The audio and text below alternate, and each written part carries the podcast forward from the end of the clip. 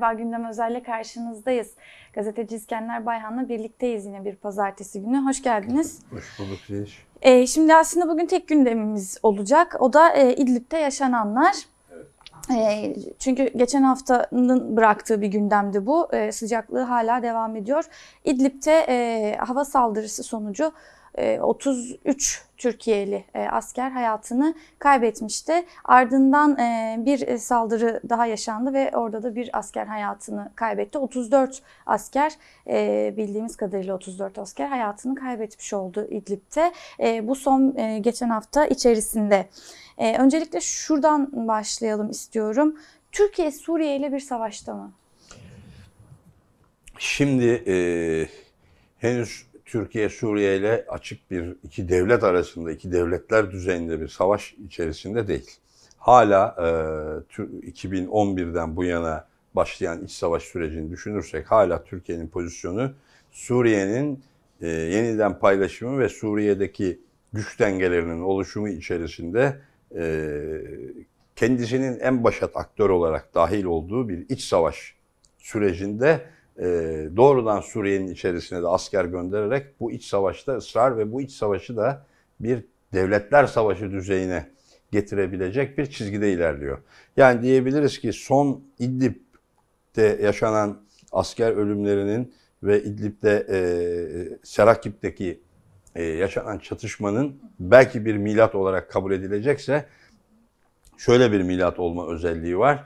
Türkiye Suriye savaşı açısından e, yarın bir gün eğer bu noktaya giderse, bu durdurulamazsa, bunu engelleyemezsek bir Türkiye-Suriye savaşı ne zaman başladı denirse belki o zaman iç savaşın bir iki devlet arasında savaşa dönüşmesinin ilk şeylerinden birisi veya en önemli e, adımlarından birisi olarak gösterilebilecek bir çatışma yaşandı. Bir saldırıyla karşı karşıya kaldı e, TSK birlikleri. Ama şu an için tablo şöyle, e, hala Suriye'de temel olarak bir iç savaş ve e, Esad rejiminin yıkılmasına yönelik bir siyaset izliyor Türkiye. E, ve bunu da açık bir iki devlet arasında savaş olarak tarif edecek düzeye de geldi. Erdoğan bunu açık açık söylüyor reis. Ve bir Türkiye-Suriye savaşını kim istiyor sorusunun yanıtı da şu anda öyle görünüyor ABD, İsrail ve Erdoğan hükümeti görünüyor şu an için. Ne İran istiyor, ne Rusya istiyor, ne Esad istiyor, ne Avrupa Birliği istiyor ama e, ABD, İsrail son açıklamalara bakılırsa ABD, İsrail ve Erdoğan hükümeti bir Türkiye-Suriye savaşı istiyor görünüyor. Bunu da ilan etmiş durumda. Ama bu ne zaman başlar? Bu veya bunun e, artık bir Türkiye-Suriye daha doğrusu Esad rejimi ve bir e, Erdoğan hükümeti arasında bir savaş olarak iki devlet ve iki hükümetlerin e, savaşı haline gelme noktası ne zaman olur? Bu mümkün müdür? Buraya kadar gider mi bu süreç? Ee, Rusya buna müsaade eder mi gibi bir dizi tartışmayı da çok yakından izleyeceğiz. Ama kim savaş politikasında ısrar ediyor ve Türkiye-Suriye savaşında ısrar ediyor dersek Orada kesin bir netleşen tablo oldu bu bir hafta içerisinde. Biz daha önce konuştuğumuzda siz şöyle demiştiniz. E, Erdoğan'ın yakın zamanda yine böyle bir söylemi var ama e, daha önce de demişti ki Rusya aradan çekilin. Benim sizinle derdim yok. Benim derdim Esad'la. E, siz aradan çekilirseniz ben işimi göreceğim diyordu. Evet. Siz de o zaman şunu sormuştunuz bu programda yine. Peki Rusya aradan çekildi ne yapacaksın? Şam'a mı Halep'e mi yürüyeceksin? Evet. Suriye ile savaşabilir misin e, diye sormuştunuz. E, o zaman şimdi nereye geldi? Nereye geldi? Değil mi? Evet önemli bir nokta Zeliş bu. Orada ben mesela Akit gazetesinden e, Dilipak'ın yazısına bakarsak Dilipak oraya gelmiş mesela. Yani çağrısı bir daha böyle bir toplu asker ölümü, öyle bir saldırı, rejimin saldırısıyla yüz yüze kalırsa Türkiye doğrudan Şam'a girmedi diye. Şam'a hedef almalı diye. Bunu isteyenler var. Onun için diyorum Erdoğan'ın da bakarsak e, e, Erdoğan hükümetinin de e, perspektifi bu gibi görünüyor.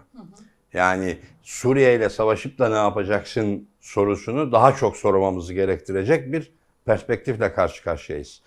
Bir Türkiye-Suriye savaşı kimin işine gelir? Kime hizmet eder? Kime yarar? Kime yararı olur? Mesela e, Erdoğan'ın çok e, yüksek sesle son dönemde söylediği gibi Suriye kendisini Suriye'ye çağıran Suriye halkının bir işine yarar mı mesela? Veya e, yine çok yüksek sesle dile getirdiği e, bölgede e, Türkiye'nin güvenliği ve Türkiye'nin yarın başına daha büyük belalar açacak ve artık ateşi Türkiye'nin sınırlarının içine taşıyacak bir Türkiye'yi bir iç savaş savaşa sürükleyecek bir politikayı engelleyebilir mi mesela? Buna bunun önüne geçebilir mi? Ya da yine çok yüksek sesle söylediği ve bir türlü anlayamadığımız birileri buralarda kimi zaman Trump, kimi zaman ki şimdi Rusya için söylüyor, Putin için söylüyor. Rusya'nın orada ne işi var anlamadım diyor yani. Anlamıyorum diyor. Gerçekten anlamıyorsan senin ne işin var gerçekten orada diye insan ister istemez bir daha soruyor.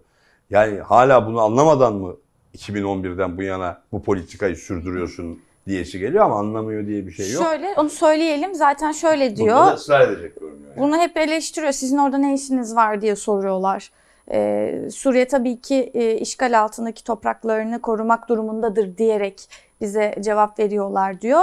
Ee, sonra da diyor ki Erdoğan kusura bakmayın biz oraya Esed'in davetlisi olarak gitmedik. Biz oraya Suriye halkının davetlisi olarak gittik diyor. Ve çok tehlikeli bir şey söylüyor aslında değil mi? Değil mi? Yani bir yandan sen Türkiye'nin de yarın e, içine düşecek bir ateşi engellemek için biz orada olmalıyız diyeceksin. Biz macera aramıyoruz diyeceksin. Türkiye'nin terör, sınır güvenliği bir sürü bir sürü e, gerekçeler sayıp kendince ki aslına bakarsan hiçbirinin gerçek temeli de yok. Gerekçeler sayıp oradayız diyeceksin. Sonra da bizi oraya Suriye halkı çağırdı diyeceksin. E yarın birileri de kalkıp Türkiye'ye bizi Türkiye halkı çağırıyor diye gelirse ne olacak? Ya böyle bir ya böyle bir şey yok yani. Böyle bir aslına bakarsan bilimsel, akli, halkın çıkarına, işçilerin, emekçilerin, Orta Doğu halklarının, bu coğrafyada ha- halkların, Türkiye'de ve Suriye'de yaşayan Arapların, Türklerin, Türkmenlerin, Kürtlerin çıkarına hiçbir mantık, ya azıcık bile yani onların çıkarına hiçbir sonuç çıkmaz burada. Hiçbir sonuç çıkaramazsın yani bu yaklaşımda. Ne demek ya bizi halk çağırdı, biz Suriye halkı çağırdı, onun için geldik. Suriye halkı, seni çağıran Suriye halkı diye bir güçten bahsedeceksen onların 4, 4 milyonu Türkiye'de zaten. Onlar buraya geldi. Yani şimdi ÖSO'yu hala ve İdlib'deki cihadist örgütleri hala Suriye halkının temsilcisi kabul ederek siyaset yapma çizgisinde ısrardır bu. Ve bunun da gelip gene dönüp dolanıp kilitlendiği nokta ya ben Türkiye'nin hala Erdoğan'ın bunu yapabilecek e, nesne olarak en azından şu andaki veriler itibariyle pratikte bunu yapacak durumda olduğunu düşünmüyorum ama yani bir iki devlet arasında veya Esad yönetimiyle Türkiye AKP hükümeti arasında iki devleti e, açık bir savaşa, e, açıktan bir devletler arası savaşa sürükleyecek bir noktaya e, gidebileceğini henüz düşünmüyorum ama e, ABD'nin ve e, İsrail'in açıklamalarına bakarsan bunu isteyenler var. Ve bir an önce olsun istiyorlar. 5 Mart'ta yapılacak görüşmede bir durumu göreceğiz. Ama burada çok tehlikeli sözler edilmeye başlandı yani. Bunlar daha önce biraz daha az ediliyordu. Ama şimdi ben mesela Erdoğan'ın açıklamalarında Ergenekoncuların, Avrasyacıların, Servicilerin bir dönem Tür- bölge analizlerine bağlı, bu coğrafyaya, Orta Doğu'ya ilişkin analizlerine bağlı analizler yapıp çağrılar yaptığını düşünüyorum ve bu çok tehlikeli bir şey. Son bir şey gene bu kapsamda. Yani böyle bir tezgah varsa bile, seni Suriye halkı çağırdıysa bile senin izleyeceğin politika bu değil. Yani sen Esad'ın zulüm gördüğünü e, iddia edip Esad yönetimine karşı olduğunu ve ona karşı demokratik bir mücadele yürüttüğünü, bunun karşılığında da Esad yönetiminin kendisini ezdiğini söyleyen Suriye halkına destek olacaksan bile bu bir Türkiye-Suriye savaşının taşları döşemek değil. Oraya buraya gözlem kuleleri oluşturmak değil. Oralara askeri birlikler götürmek değil. Bunun başka türlü tonla yolu var bu siyasetin. Suriye halkının Esad'a karşı demokratik mücadelesini desteklemenin, o dayanışmayı desteklemenin. Ama sen ne yapıyorsun? Sen bir fiil Suriye'nin yeniden paylaşımı ve Suriye'de Esadlı ve Esadsız dönemin şekillendirilmesi ve Suriye'de bir rejim, hükümet, yönetim tesisi için bir iç savaşın açık tarafı durumundasın. Ve askerlerinle birlikte oradasın şimdi. Yani o iç savaşın parçası olarak oradasın ve savaş, o, o ÖSO'yla ve cihadist örgütlerle HTŞ başta olmak üzere, El Nusra başta olmak üzere o cihadist örgütlerle onların arkasında durarak bir iç savaş kışkırtıcılığında veya kışkırtıcılığından öte artık bir iç savaş yürütülmesinde aktif rol oynuyorsun. Bence bu İdlib'deki e, son 33-34 e, askerin yaşamının arkasındaki politika budur. Bunun nedeni nedir, niye oldu diye hiç hikaye anlatılmasın. Bu siyasettir ve bu siyaset daha çok kan akıtır. Çok da kan ve can pahasına maliyetli bir politika olarak sürdürülebilir. Başka türlü sürdürülemez. Ee, ve devamında Suriye halkı tamam iş bitti demeden biz oradan e, bizim oradan çıkma niyetimiz de yok diyerek bu ekliyor savaş Erdoğan. kesin savaşta bir Suriye Türkiye savaşı ya da şimdi bu bir Suriye Türkiye savaşı şundan da biraz imtina ediyorum. Ne Türkiye'de anket yapsak veya halka sorsak Suriye ile savaş ister. Büyük çoğunluğu istemez yani. Ne Suriye halkına sorsanız Erdoğan'ı da çağıranlar da dahil bir Türkiye-Suriye savaşı. Yani oralardaki çıkar gruplarını Suriye'de egemenlik mücadelesi veren içeriden veya dışarıdan ki belli çevreleri saymazsan halk "Ge- evet Türkiye-Suriye savaşsın demez, istemez. Onun için ortada iki devletin savaşına dönüşebilecek bir şeyin son noktasıdır bu yani. Halk Biz istemez iki devleti savaştıracağım Evet. siyasetidir bu yani. Ve bir yandan e, şimdi son zamanlarda aslında çokça duyuyoruz. Halk bir yandan ne işimiz var İdlib'de? Orası bizim toprağımız değil ki iyi de aslında çok çok sıla- s- dile getiriyor. E, onu En da hatırlatalım. Tabii en büyük umut da orada yani. O ses büyürse yani Türkiye halkından, Türkiye'de yaşayan halklardan, işçilerden, emekçilerden ne işimiz var bizim orada? Türkiye TSK askerleri oradan çekilsin. Biz Suriye'de bizim işimiz olmadığı gibi Rusya'nın da Amerika'nın da işinin olmadığını söyleyen, İran'ın da işinin olmadığını söyleyen bir dış politika izleyelim. Böyle bir siyaset izleyelim. Suriye halkı kendi kaderini kendi tayin etsin Suriye'de yaşayan halklar diye bir politikayı ya da bir fikri, bir düşünceyi, bir duyguyu ne kadar yüksek sesle talebi dile getirirse Türkiye kamuoyu, Türkiye'de yaşayan işçi ve emekçi halklar o kadar e, bu e, bela ve bu tehlikeler savuşturulabilir. Başka şey kalmadı yani öyle görünüyor. Yani çok ciddi anlamda e, yani şöyle analizler yapılıyor yani Türkiye daha büyük kayıplar verirse çekilmek zorunda kalacak falan filan ama Erdoğan'ın çizgisinde öyle bir şey görünmüyor. Hele ki İsrail ABD'nin açıklamalarına bakınca yani hiç öyle bir ihtimal görünmüyor. Yani ancak noktadan içeride halk böyle bir şey soracağım. yapacak ya da yenilecek yani Türkiye. Evet. Rusya'ya ve Rusya, İran ve Suriye'ye ciddi bir yenilgi alacak ki geri gelsin. Ya da böyle bir şey görünüyor. Evet. Ee, ama şu şuradan bir parantez açmak istiyorum. Bir- Biraz doğru da mı anladım acaba diye de sormak istiyorum. Az önce dediniz ya Erdoğan'ı destekleyen varsa bile e, işte onların 4 milyonu burada dediniz ya. Yani şunu mu iddia ediyorsunuz? Türkiye'ye gelen 4-5 milyon Suriyeli Erdoğan destekçisi mi?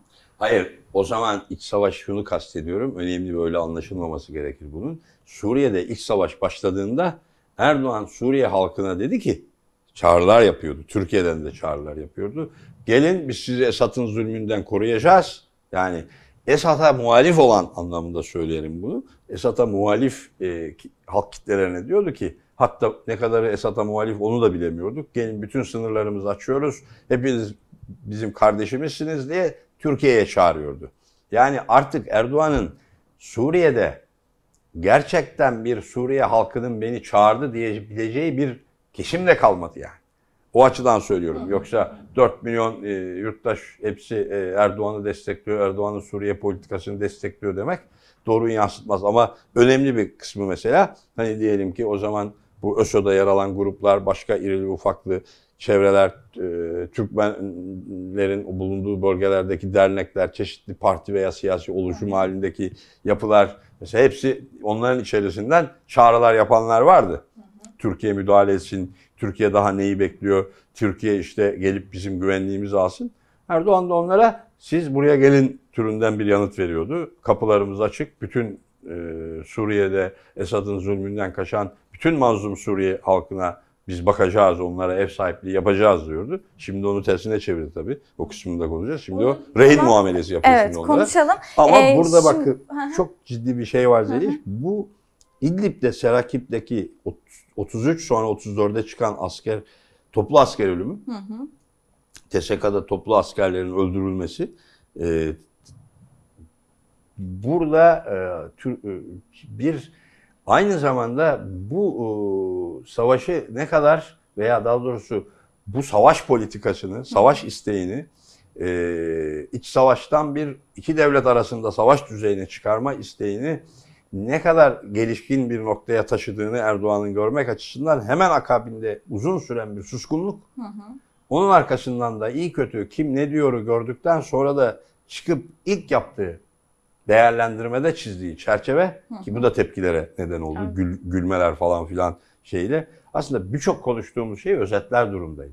Yani Erdoğan bu meseleyi, Erdoğan ve hükümeti bu meseleyi eee, büyük bir devletin yani Türkiye gibi büyük bir devletin bu bölgede yapması gereken sıradan işler gibi görüyor. Böyle durumlarda başka yapacak bir şey yoktur diye görüyor ve böyle davranıyor, böyle hareket ediyor. Bu yaklaşım da aslında o Serakip'te o binanın enkazları altında kalmaya neden olan yaklaşım. Çünkü bir politik başarı meselesi olarak görüyor. Bir zafer hikayesi daha önce konuştuğumuz gibi İdlib'de neyin peşinde derken Suriye'de bir zafer hikayesini dayanağı olarak görüyor. Yani siyasi başarıya ihtiyacı var Erdoğan'ın orada. Politik başarıya ihtiyacı var Erdoğan hükümetinin. Dolayısıyla bu böyle bir politik başarı için böylesi kayıplar, böylesi zayiatlar da normal oluyor yani. Peki ama e, şöyle de değerlendirmiyor muydunuz şimdi daha e, bir- bir- birkaç hafta önce yani bu kadar bir toplu ölüm yokken e, Türkiye neye mecbur kalacak? İşte bir tarafa tampon bölgeye çekilecek. E, orada askerleri oraya çekmek zorunda kalacak ve buradan yavaş yavaş da çıkmak zorunda kalacak değerlendirmeniz vardı. Oysa şimdi bugün e, savaşta mı değil miyi tartışır noktadayız. Evet. Ya burada değişen ne o zaman? kalacak.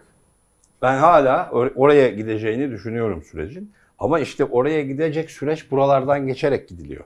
Yani geriye bakın mesela e, ne oldu orada e, Serakip'te? Bu dediğimiz aslında yaşandı Serakip'te. Rejim e, bir süredir Türkiye'nin HTŞ ve e, ÖSO aracılığıyla e, elinde tuttuğu e, ve yoğun bir yığınak yaptığı, askeri yığınak yaptığı bir bölgede çok kritik bir kasabayı, Serakip denen bir kasabayı e, rejim güçlerinin elinden alma gibi bir hamleye yöneldi. Aslında bu daha önce muhaliflerin elindeydi. Rejim buraya baskı yaparak sürekli biliyorsun işte ilk 7 askerin öldüğü Gözlem Kulesi'ne saldırının olduğu zaman da öyleydi. Geriletiyordu oradaki e, ÖSO ve ETŞ'yi, e, cihadist örgütlerin kontrol ettiği alanı. ılımlı muhalifler, Türkiye'nin ılımlı muhalifler dediği kesimin tuttuğu alanı.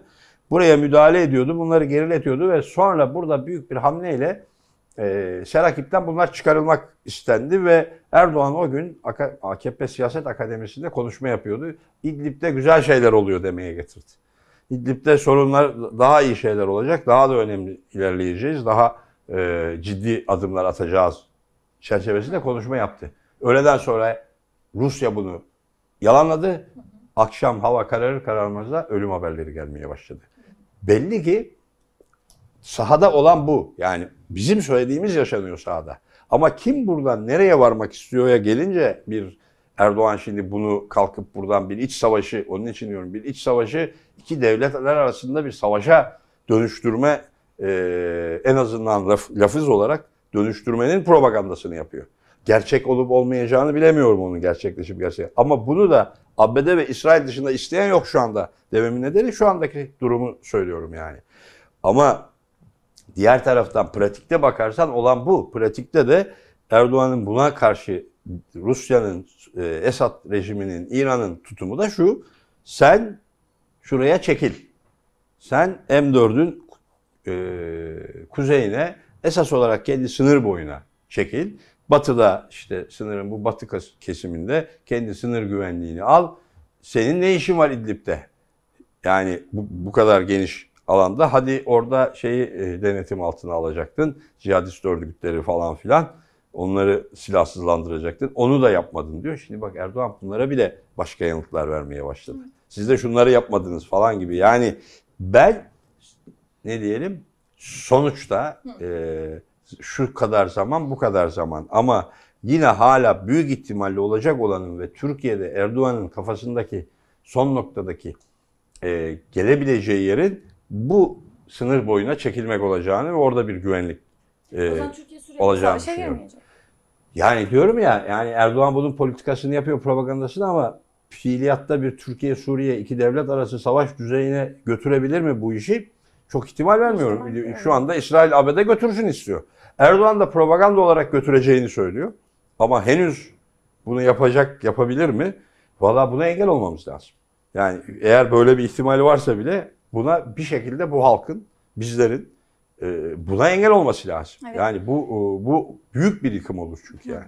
Zaten yaşanan ciddi bir yıkım var. Artık o yıkım tamamen e, iki ülkenin yani iki devletin iki ülke halklarını e, ateşe attığı bir savaş demektir. Ben Esad'ın da bunu istemediğini düşünüyorum şu anda. Esad yönetiminin tutumuna bakarsak açıklamalarına. Rusya'nın da İran'ın da istemediğini ama istemezler diye bir şey yok onu söylemek istiyorsak. Bu ihtimal olarak en fazla oranlama yapabilirim ama hala sahada olan baskının Erdoğan'ın ve t- hükümetin TSK birliklerini sınır koridoruna çekmesi, batı kısmını Rusya'yla Kürtlerin e, SDG'nin denetiminde olan ABD ve SDG'nin denetiminde olan bölümü de ABD ile beraber sınır Evet. güvenliğini alması konusunda baskı yapıldığını düşünüyorum. Ve Oraya itildiğini, oraya çekildiğini ve onun da oraya gideceğini düşünüyorum. Oradan daha fazla bir alternatif yok. Ama bu e, senin dediğin e, olmaz mı peki Türkiye-Suriye savaşına iki devletler arası bir savaşa dersen e, bu potansiyeli var her zaman Erdoğan ve hükümetinin yani. Evet. Bunu yapacak, bunu isteyecek potansiyeli var. Şimdi biraz e, hızlanalım da e, dediniz ya yani bunu böyle bir ihtimal varsa da buna engel olmamız lazım, engel olunması lazım. Şunu soracağım. Şimdi biz programa girmeden az önce e, İstanbul İş Dünyası ve Sivil Toplum Örgütleri e, dedikleri bir grup e, açıklama yaptı. İşte saldırıları lanetliyoruz dedi e, ve Bahar Kalkanı harekatına destek verdiklerini açıkladı. Mesela e, şimdi dediğiniz engel olalım dediğiniz e, ve olması gereken doğru tutum bu mudur? Valla bu şu demek bu, bu açıklama e, 5 Mart'ta önce biz geçen hafta konuşurken Ankara'da yapılacağı söylenen 400 zirvenin artık yapılamayıp e, Putin-Erdoğan görüşmesine dönüşmüş halinin 5 Mart'ta Moskova'da yapılacağı söylenen, Moskova'ydı sanıyorum. Öyle olmalı Öyle evet. olması Hı hı. lazım. Soçi'den sonra Moskova ya da başka bir yer yine olabilir. Başka bir kentinde de değişebilir o bilemiyorum ama Erdoğan Putin görüşmesinde Erdoğan arkasını doldurma hamlesi bu. Durdurma hamlesi değil yani bu. Yani Barış Kalkanı Harekatı'nın arkasındayız demek. Bu şu anlama geliyor. Ben o konuda da bir şöyle bir şey söyleyeyim, not edelim.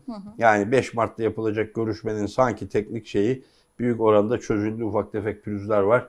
Ee, o da 5 Mart'a kadarki gelişmelerle belli olacak diye düşünüyorum. Lavrov'la Dışişleri Bakanı arasında Türkiye AKP Erdoğan'ın Dışişleri Bakanı arasındaki görüşmede sanki teknik olarak 5 Mart'ta bu görüşme olursa e, ki ertelenebilir. Küçük bir ihtimal de olsa. Garanti olduğunu da söyleyemem bunun. 5 Mart'ta Putin Erdoğan görüşmesi olursa o günkü sınırlarda durum neyse yani o görüşmenin yapıldığı andaki İdlib ve e, M4, M5 karayolu üzerindeki çatışmada Serakip'te dahil o bölgede mevcut kim nereye kadar gelebilmiş, rejim güçleri nereye gelebilmiş, TSK, ÖSO, e, cihadist örgütler nereye gelebilmiş, tablo neyse onun anlaşması yapılacak. Orada bir ateşkes e, tekrar yenilenecek. Soçi'de e, ilişkin ateşkes tekrar yenilenecek. Hesabın bu olduğunu düşünüyorum. Yapılan açıklamalar öyle görünüyor. Ama henüz tam mutabakat var mı desem bazı proje. Moskova'da Evet. yapılacak Bazı 5 pürüzler Mart görüşmesinden söyleniyor. sonra göreceğiz eğer Türkiye onun için. Ben sayılıyor soruyorum. ve bu Barış Kalkanı Evet. Harekatı, Bahar Kalkanı pardon. Bahar Kalkanı. Harekatına da destek aslında o masaya gene kuvvetli oturma yani. Çünkü en büyük te- şey Evet. ne bizde? Yani Ee, o zaman iş dünyası bunu mu istiyor? Açıklama yapan iş dünyası Tabii en diyorlar. azından ya isti- e, Erdoğan'ı destekleyen iş dünyası, Erdoğan'ı destekleyen sermaye güçleri bunu istiyor görünüyor. Yani bunu destekliyorlar hükümetin politikasını destekliyorlar. Bu onun ifadesi. Çünkü Erdoğan'ın Erdoğan desteklemeyen ve barış isteyen bir e, iş dünyası var mı Türkiye'de? Valla ben o konuda da bazı e, tek tek bazı kapitalistlerin, bazı e, iyi kötü sermaye örgütleri çevresinden belli kesimlerin bu konuda kaygılı olduğuna dair şeyler e, duyuyorum veya böyle e, son noktada TSK'nın arkasında durma tutumu devam ediyor ama bu Millet İttifakı'nın söylemine Kılıçdaroğlu ve e, Meral Akşener'in söylemine yakın tutum takınan e, kapitalistlerin olduğunu da, sermaye çevrelerinin olduğunu da e, düşünüyorum yani. Onlar da var, yok değil. Peki e, tüm bu yaşananlara karşı doğru tutum ne olmalı sizce? Madem bu doğru tutum değil. Şimdi şöyle bir açık e, durum var tabii yani e, çok genel olarak söylediğimiz şey bir kere e, TSK başta olmak üzere Türkiye önce kendi askerlerini, kendi TSK birliklerini e, Suriye'den çekmeli. Daha fazla ölüm, kayıp, daha fazla e, işçi emekçi ailesinin ocağına ateş düşmeden, daha fazla can yanmadan bir kere bu şeyi durdurmalı ve geri çekmeli güçlerini ve e, ikincisi kendisi dışında da e, esas olarak bölge ülkeleriyle birlikte e, diğer Suriye'deki yabancı güçlerin ABD ve çok az kaldı ama sanıyorum hala koalisyon güçlerinin belli şeyleri var. İran ve Rusya'nın çekilmesine yönelik girişimlerde bulunmalı, baskı yapmalı. Bunun için Esad yönetimi açısından bir tutum geliştirmeli. Üçüncüsü çok daha pratik olarak bir Orta Doğu'da halkların Orta Doğu'nun yeniden paylaşımı politikaları, emperyalist politikalardan bağımsız bir barış içinde bir arada yaşamalarının temellerini oluşturacak bir dizi politik, diplomatik, uluslararası ilişki sürdürmeli. Bunlara dair zeminler açmalı, platformlar açmalı.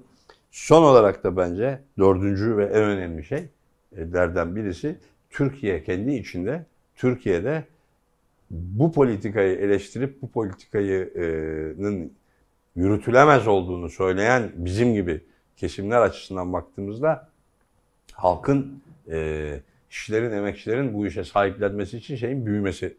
E, savaş karşıtı, savaş politikaları, savaşı kışkırtan politikalar karşıtı, Türkiye'nin Suriye'de bulunmasının karşıtı bir halk güçleri açısından bizim ne işimiz var orada sorusunun bir e, büyük bir güç olarak, büyük bir hükümete baskı olarak e, baskıya dönüşeceği bir e, tartışmanın, örgütlenmenin yürütülmesi lazım.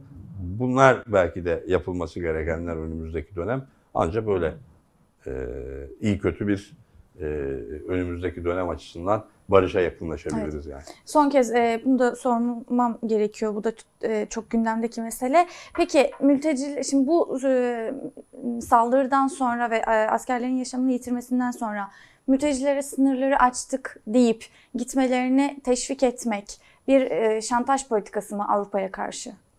Tabii bu çok açık. Bunu bir süredir sürdürüyordu e, Erdoğan. Bunu yapabileceğimi gösteriyorum diye de son birkaç günde özellikle e, bir yandan Barış Kalkanı Harekatı, pardon Bahar ya o kadar harekat şey Bahar, oldu ki. Bahar Kalkanı Dördüncüsü Harekatı. bu, bahar evet. bu. Bahar Kalkanı Harekatı bir yandan da mültecileri sınıra çağırma ve Türkiye'den sınırları geçebileceklerini söyleme politikasını aynı anda devreye e, koydu.